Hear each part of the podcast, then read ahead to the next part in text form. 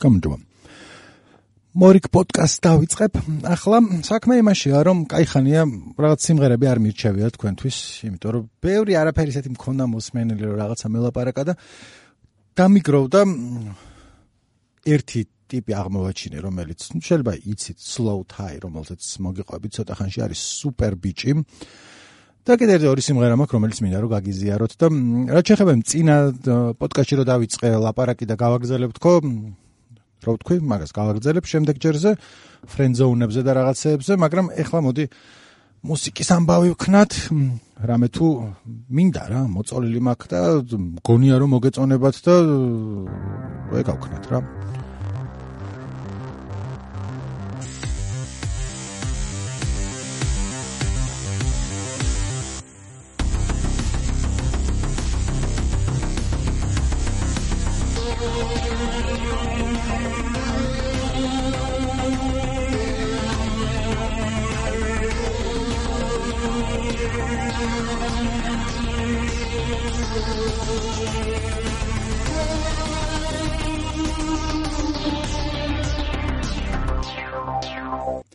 პირველი რაც მინდა მოგასმენინოთ არის არ გაიქცეთ, მაგრამ ჯაზია. და ვიდრე კამასი ვაშინგტონის Street Fighter Mass.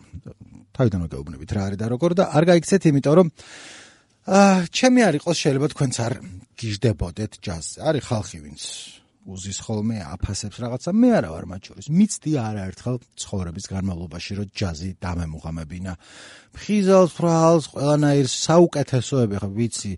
Love Supreme, Love Supreme გამისწორდა მართალი გითხრათ, მაგრამ ნუ არა იმდენად როგორიც სახელი აქვს. Love Supreme არის Coltrane-ის ალბომი არის, რომელიც ითვლება, რომ ყველა დროის ერთ-ერთი საუკეთესო ალბომია საერთოდ. ჯაზში კი არა, რომ აი რაღაცა ეგეთი გავლენიანი და ხალხი გაგიჟდა და რაღაც და მაგის შესაბამის სიამოვნებას ვერ ვიღებდი მანდედან. ან ხანდახან რო გადამიოდე მეთქე Miles Davis-ი, ეხა უნდა გავიგო Miles Davis-ი და თან Miles Davis ბევრი ისეთი ალბომი აქვს, რომელიც რომელმაც შეცვალა მთლიანად მასშტაბები ჯაზის და მუსიკის და აი ფლამენკოს სკეჩის მოიტანა ერთი ორჯერ, მაგრამ ნუ რო გითხრათ რომ რაღაცა სიხშირით ვთავ თქო, არა.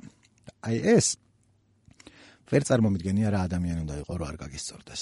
კამასი ვაშინგტონი, ვინც არიცით, ეხლა არის ერთ-ერთი ყველაზე უფრო სახელოვანი ჯაზ საქსოფონისტი, ტენორ საქსოფონზე უკრავს ხოლმე და მიუხედავად იმისა, რომ შეიძლება მოსმენელი არ გქონდეთ, მოსმენელი გექნებათ სადმე. ერთი, იმიტომ რომ კენდრიკ ლამართან თანამშრომლობდა თუ Pimper Butterfly-ში, ფანდერკეტთან ერთად და საქსოფონზე უკრავდა და სხვა რაღაცეებზეც და კიდე ვიღაცეებთან დაუკრავს რაც აი ვთქვათ Saint Vincent-ის Mass Education-ში რომელიღაცა სიმღერაში არის Pills-ში, რომელიც კარგი სიმღერა არის.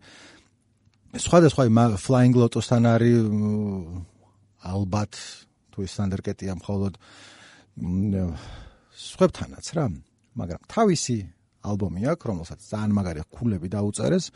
რომელიც თავიდან ბოლომდე ერთხელ მოვისმინე და კაი რაღაცები მაგრამ ამაზე გადაოფსიხდი იმიტომ რომ არის ну ტექსტი არ აქვს ვოკალი არ არის რა მაგრამ მაგის გარდა ყველაფერია. ამბავია მოყოლი თან რა ამბავი როგორც გინდა ესე გაიგებ. თან არის არ მინდა რომ წინასწარ ძალიან და მე რა თქვა რომ არ არის ეგეთი კარგი, მაგრამ არის რა, აი ყველაფრისთვის კარგია. შეიძლება სადილის დროს ჭამო და უფრო მაღალი დონის ადამიანი იქნები, უფრო მაღალი კლასის პიროვნება გახდები და სხვანაირად შეჭამ, თუ რა თქმა უნდა მუჟურს არ ჭამ. მუჟური ძალიან მიყვარს და არანაირი disrespect-ი ჩემი მხრიდან მუჟურს არ ეკნება, მაგრამ შეუძლებელია რომ მაღალი კლასის წარმომადგენლად იგრძნო თავი და მუჟური ჭამო. მაღალი კლასის მარქსისტული გაგებით კი არა, არამედ კლასი, ესეთი რა.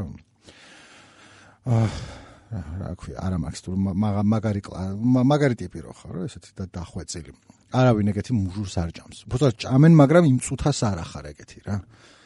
და წარმომიდგენ რა ვიღაც შეიძლება ხინკალს ჭამდეს კლასნად, ანუ აი შეუძლია რომ რაღაცნაირად ქნასდნენ და არც ერთი წვეთი არ შეხედავ და ლამაზი იყოს. არ მინახავს არავინ ეგეთი, მაგრამ არ გამოვრიცხავ, მაგრამ აი მუჟურს რაც შეეხება თავისი ნივრის აპოთეოზით და ყველაფრით, ეგ არ არის არ არის არისტოკრატიული საჭმელი, მაგის თქმა მინდოდა. მოგეთ მუჟურის გარდა ყველაფერს საჭმელს უფრო არისტოკრატიულად გახდეს, ყოველჯერზე კლასი რო არ ვახსენო და ასევე არისტოკრატიასაც მარქსისტული გაგებით კლასებს არ ამ ხო თავიდან რომ მიხდით რა ზე იყო ლაპარაკი? რატო ვაზუსტებ ხოლმე ყველაფერს? არ ვიცი რაღაცა ჭირი მჭირს ეგეთი რომელთანაც ეკიმთან წავალ. მანქანაში ჩართავ და თავს დავდებ შუაში ვიღაცა იკითხავს ვა ეს რა არის? და ეს რა არის? კამასი ვაშინგტონია კამასი ვაშინგტონი. თან კლიპს თუ შეხედავ კლიპზე არ აი რაღაცნაირი აფრიკის რომელიღაცა ქვეყნის მეფეს გავს თანამედროვეს დიდი კაცია კამასი ვაშინგტონი რაღაცნაირად აცვია. ქურქი აქ მოსხმულე მეფეს გავს რო ნახავ რა და რაკნას მეტი კაცმა მაგრა უკრავს საქსოფონზე მაგარი მუსიკა აქ დაწერილი და შესახედავად ძალიან მაგარია და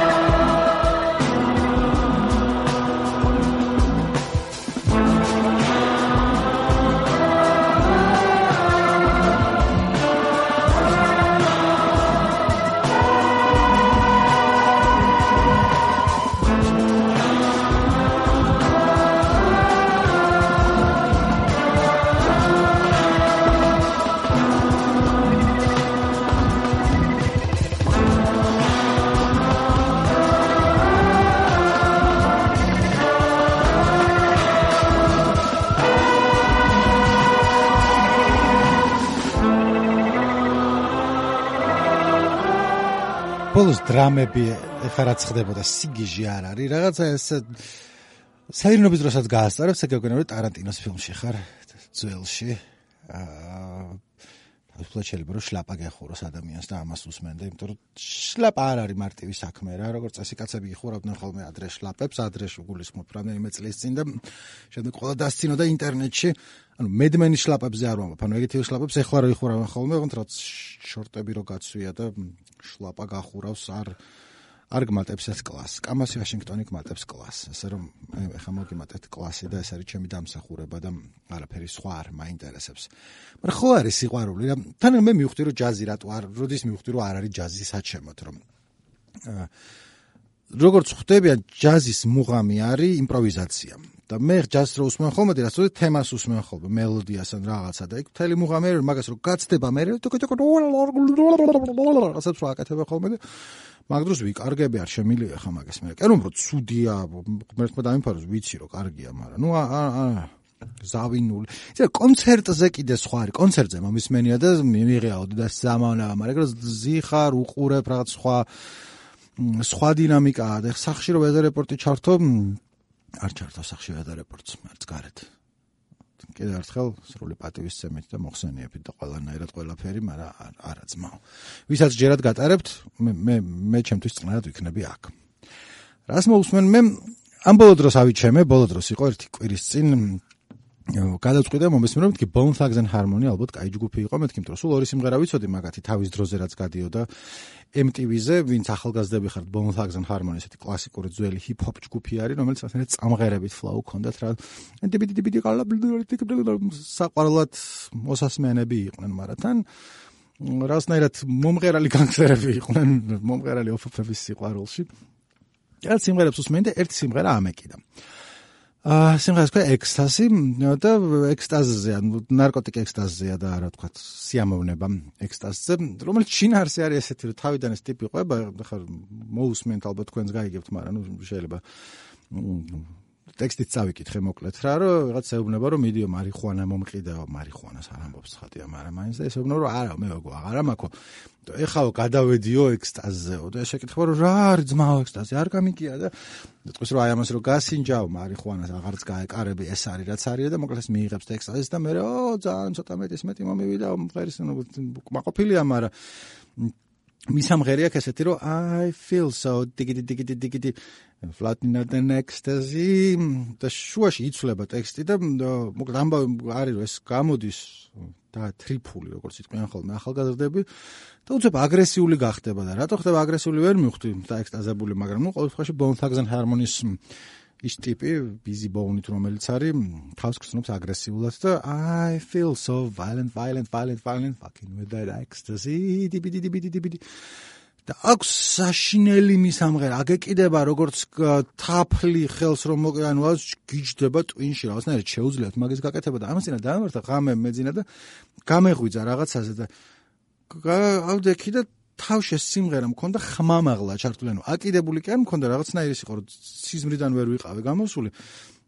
აა ფიას ატაკეთ ატაკეთ ყვირილით მესმოდა ყურებში და ვფიქრობდი რომ ღმერთო ეს გაჩერდეს ეხლა ვეღარ დავიძინე თვალები დავხუჭე და ეს იყო მთელ ხმაზე ჩართული. ასე რომ რა ვიცი ფრთხილად იყავით ამ სიმღერასთან დაკავშირებით არ არ გაიღვიძოთ ყურში ყვირილით რა რებს პოტა მოკლედ თავის შესავალია ეს ვიღაც თავის ბარიკას ელაპარაკება მე დაიწყებ What? Nigga, this the shit, man. I'm telling you. Nigga, this shit had you on the level with your female and everything, nigga. Look, look I'm gonna give you one of these motherfuckers that you try this motherfucker out, man. And I bet you be calling me tomorrow talking about you want some more of this shit, man. I'm telling you. She had you on the level, man. You need to put that weed down, fuck with this shit, boy. I'm telling you, boy. This I'm telling you, boy. See how you on the level. Fuck it. Give me what the motherfuckers did, man. Yeah, take that one and call me in the morning, nigga you succeed. I will succeed. Cause I'm floating in ecstasy. I will succeed. Cause I'm floating in ecstasy. I will succeed. Cause I'm floating in ecstasy. As you can see.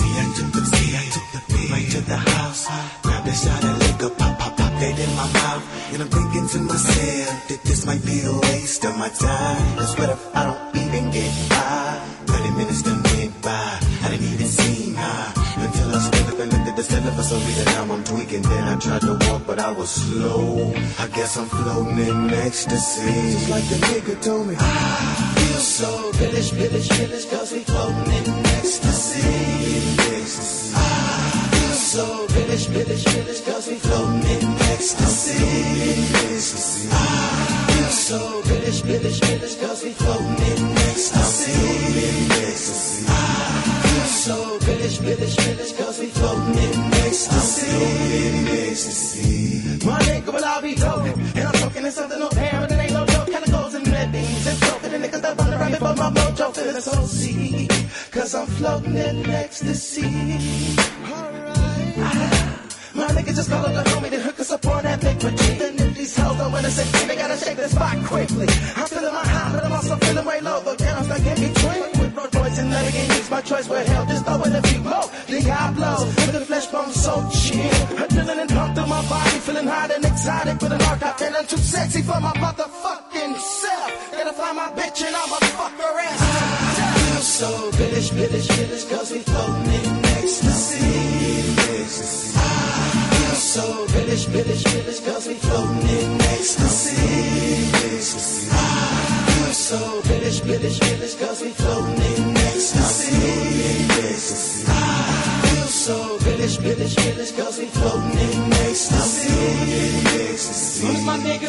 level, I started to see the devil. Nigga was floating in ecstasy. Shit, I took the deal. That, so I'm bragging. But about 30 more minutes later, nigga was on the couch banging. Oh, I'm sweaty. Man, why the fuck y'all let me do this? I'm looking at my homegirl like I wanna. Nigga, this some new shit. I realized. Nigga took one step and started stumbling. And I was trying to call my nigga, but they couldn't hear me, so I guess I'm mumbling. Fall up into something. But I guess I'm on a mission. Telling my niggas that I love them now, but ain't nobody listening. Whistling, hanging out the window. Need me some endo to let go. Like, be silky fine, nine, nine, from the expo. Knock, knock, knock at the door. But nigga was paranoid, so I grabbed the gun and booked it at the door. Ooh, we shit it happens. My family got me faded, but I'm running to see the cuz. Cause a nigga can't take it, shake it if I can. But I'm living with the killers, and I wish he was here to feel pillage, pillage, pillage, pillage. I feel so violent, violent, fucking with that ecstasy. Come roll with me. I feel so violent, violent, fucking with that ecstasy. I feel so violent, violent, fucking with. ეხლა რატომაც ზალადობაზე რო გადავიდათ დაექსტასებული Bone Thugs-and Harmony-ს წარმომადგენელი, რეპრეზენტატივი, რეპრეზენტატივი უნდა თქვა ხოლმე ესე და ვიცი ესეთ სერიოზული სახით, რომ დიახ, რეპრეზენტაცია ძulis აა ძulis ყაჩაღების და ჰარმონიის რეპრეზენტატივ კაროჩე რა ეხა გადავიდეთ სინამდვილეში რისთვისაც ვლაპარაკობთ ამ ყველაფერს, იმიტომ რომ მე მყავს ახალი სიყვარული, მესიჯი მოვიდა, პოპულარული ვარ, მომდის ხოლმე მესიჯები. ხმა ჯიბეში ჩავიდებ ტელეფონს, რომ ბზბზ აღარ გააკეთოს რაღაცეებზე. ახალი სიყვარული მყავს მეთქი და ეს არის ბრიტანელი რეპერი, მუსიკოსი Slow Tie. ეხა ამასინათ მოკლედ გორილაზის ახალი სიმღერა გამოვიდა, სადაც არის ეს Slow Tie, იქიდან გავიგე მის შესახებ. მე რაც რამდენჯერმე ვნახე მომეწონა ეს სიმღერა არ არის ცუდი სიმღერა და მე ამომიგდო რომ slow type პირველად ამერიკელების წინაშე წარსდგა ორი კვირის წინ იყო ჯიმი ფელონზე სიმღერა დაუკრა მაგან და მურა მეისა არის ელექტრონული მუსიკის პროდიუსერი. მოკლედ უყურე იმ გამოსვლას და მეთქი ტიპის სცენაზე დგას აი მოვიხიბლე რა დაიწყო ავარდასთან რეპი იყო მაგრამ იმდენად რაღაც ბენდი იყო და უკრავდნენ და პანკი იყო რა ეს ოხერი რა ძალიან პანკური სიმღერა იყო და ტიპი მომეწონა როგორც ფრანტმენი, აი ძალიან მაგარი იყო და მე შევყევი, შევყევი და ერთ კვირა მაგას უსმენ რა. ჟანრს რაც შეეხება, ნუ იდეაში არის ჰიპ-ჰოპი, უფრო გრაიმა ჰიპ-ჰოპი არის, გრაიმი, ვინც არიცით, გრაიმი არის ბრიტანული ჟანრი მუსიკის, რომელიც ჰიპ-ჰოპს გავს, იმიტომ რომ რეჩიტატივია და რეპავენი ხაც და MC-ები ყავთ, მაგრამ მაინც მოიაზრება, რომ ცალკე ჟანრი არის, იმიტომ რომ უფრო ბიტები სხვანაირი აქვს და უფრო თქვა ჯანგლის და დრამ ენ ბეისის და ცოტა პანკის და რაღაცა დიზი რასკალი თუ მოგისმენიათ, მაგარი კლასიკა, გრაიმის და ეხლა ახალი ტალღა არის გრაიმის წამოსული და რომელიც ნელ-ნელა ჩაცხრა ისევ და მოკლედ მთლად ისეთ მოდაში აღარ არის. ანუ ეს სლოუთაი უფრო ჰიპ-ჰოპია ვიდრე გრაიმი ალბათ, თუმცა რო გითხრათ რომ ზუსტად ვიცი ერთი სად მთავრდება და მეორე სად იწყება, მოგატყუებთ, მაგრამ უფრო რაც მომეწონა, როგორც MC გამისწორდა, თუნდაც სიმღერები გამისწორდა, რომ პანკი იყო რა, ბლარს გავდა აქ აი ჩემთვის უფრო შინაარსობრივადაც შეიძლება კლეშს გავდა რა, იმიტომ რომ ეს არის სულ ბრექსიტის ამბებზე რეპავს და ბორის ჯონსონს აგინებს და მანამდე ტერეზა მეის აგინებდა, როცა ის იყო აქტუალური და ომ ერთ სიმღერას გავუშვებ ხა, რომელიც ყველაზე უფრო მომეწონა და იმედია ისე ამოვნებთ Doorman ქვია. აი ნახეთ რა. About 12, 13 quid and that was without not having any arguments with anyone. That's pretty much just straight. If you don't, you're get your head kicked in. Shoot a messenger, string 'em up. She's a 10 plus 10, not enough. Mixed messages, wise cross. Marry me, what you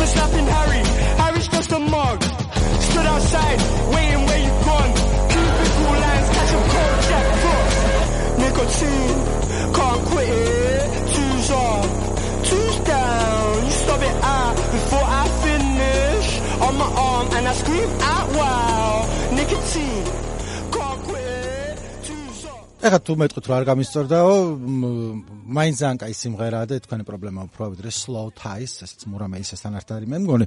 ხო, შეიძლება გაგიშლეთ შეკითხვა, რომ რატო არის მაინც ჰიპ-ჰოპი და არ არის უფრო რაღაცა სიმღერა ტიპია, მაგრამ ნუ ის არის პერი არის slow tie და ისეთ მაგარი ტიპია რა, ნუ აი კამასიზე რო თქვი რომ შეხედავ და მოგეწონება თქო, ესეც არის აი რაღაცნაირი ის ტიპია. აი ტრეინსპოტინგის პერსონაჟს გავს ერთ-ერთს როდის დატვირებული ერთი კვირილი შეაქვს და სცენაზე დაახტის ხოლმე და იხტის სულ სცენაზე. გლასტონბერიზე იყო მ, 2019 წელს. და გლასტონბერის ლაივს უყურებდი YouTube-ზე და რაღაც ტრუსიკში და თეთრ წინდებში დარბოდა. აქეთ-იქით ძალიან სასაცილო იყო მაგრამ თან სასაცილო ენერგია მოდის საოცარად ლაივში არის ძალიან მაგარი, კლიპებში არის ძალიან მაგარი, არტისტია რა, სახეზე რაღაც იმას აკეთებს და თან ეს კლიპები მომწონს, იმიტომ რომ ასნაირი корпуსი, აი რაღაც დიდი ბრიტანეთის დიდი ღომში თუ აი სადღაცა ცხოვრობს რა, გადაკარგულში და იმათ სულისკვეთებას გამოხატავს, თვითონ ლონდონელი არ არის, ნორთჰემპტომელია, მაგრამ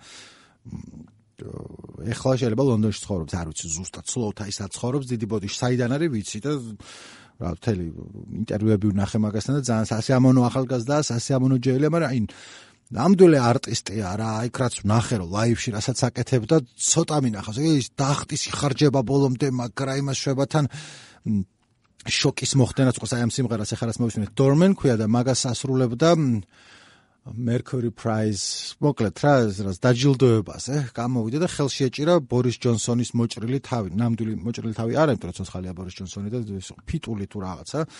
და fuck Boris fuck Boris ესე იძახოდა ბორის ჯონსონზე ცხადია და არა სხვა ვინმე ბორისზე და მე მაისურზე იგივე ეწერა და მე დაახტო და მე გაიხადა მაისური და მე მთელი ამბავი მოყვა მაგას ინგლისში რომ როგორ ტერორიზმისკენ მოწოდება იყო slow tie-სო მაგრამ ეგ მომწონს რა ეს ასნერი პანკური სულისკვეთება თან ჰიპ-ჰოპი თან ნაღდი ამოზრდილი ასფალტიდან ყვავილი სლოუთაის მოდი ერთად შემოგთავაზებთ აი რითაც შემიყვარდა ეს სლოუთაი იყო ეს სიმღერა deal with it live შესრულება თავიდან რა თქვით რომ ფელონთან შეასრულოთ და მე ეს დარბოდა ტიტველი და ფელონს იმაზე შეუხტა რა ქვია მაგიდაზე ესას დაბნეული ის და რომ რა უნდა სლოუთაის ჩემგან მაგრამ ნუ აი ძალიან ძალიან ლაივი იყო ისიც ნახეთ მაგრამ ამასაც მოусმინეთ აი ეს გასუთა ბლარის სიმღერას რაღაცით რა I woke up, I slept and woke up again. And this life they never fucking change. I went to the pub and asked for a pint for three quid. He said it's a fiver, well that's gentrification, you prick. Deal with it. Walking back through my old estate. I see my mates, I hit my mates, and they don't wanna say safe. They say you've changed.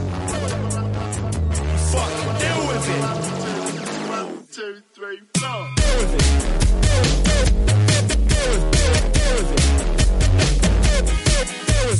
Deal with it.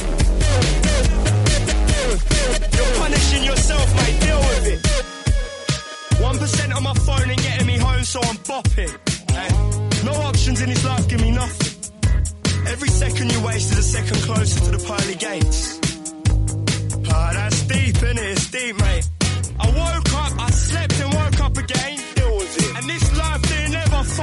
Change. Deal with it. People say I'm a nuisance, well what's the problem? Deal with it. People say they're busy, well fuck off. Deal with it. Just fucking deal with it. Deal with it. So, walking back through my old estate. I see my mates sat in my mates and they don't wanna say safe. They say you've changed. Oh, you've changed. Oh, you've changed. Oh, you've changed.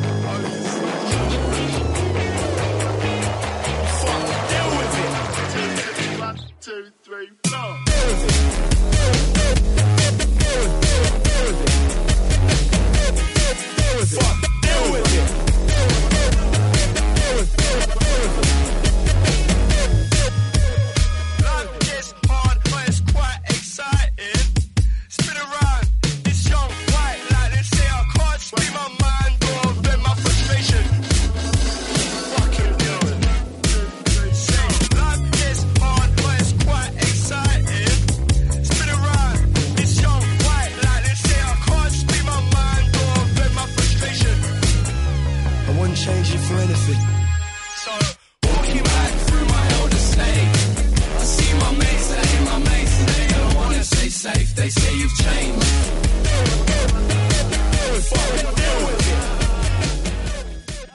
რა ბლარს გავს თქო park life გავს რომ იწება და ახლოებით და მე სხვაგან მიდის ეს სიმღერა საერთოდ მაგრამ აი სულისკვეთება გავს რომ ბრიტანელებს აქვთ მაინც გადაზელილობა მუსიკაში სხვადასხვა რაღაცეების როცა ჰიპ-ჰოპი აი ბანკიც არის და იამაიკაც არის და ლონდონიც არის და რაღაცაც არის და slow tie დაი მახსოვრეთ slow tie ვა ვა ვა მოკლედ გადაცემა მქონდა დღეს ამით დავამთავრებ მადლობა რომ გვისმენდით ეს იყო ნიკო ნერგაძე ნიკოს პოდკასტით და ეს თამკურაში უნდა ჩავწერო შემდეგი გაგრძელება ძალიან სიტყვაზე არ დამიჭირო და რაღაცა მაგრამ ხო ხვალანზე გვიზამ აა გაგრძელებას თემისა რომელიც იყო ფიქაპ არტისტები და მე უფრო ზოგადი დანახვა კაცების და ქალების ურთიერთობის იმიტომ რომ ექსპერტი ვარ მე როგორც წინა გადაცემაში გითხარით ურთიერთობის ექსპერტი ვარ რატო? არა ვარ.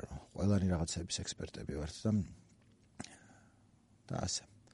მოკლედ გაფასებთ ყველას გეხვევით კოცნით თქვენი ნიკონ ერგაძე. აბა სულ კარგად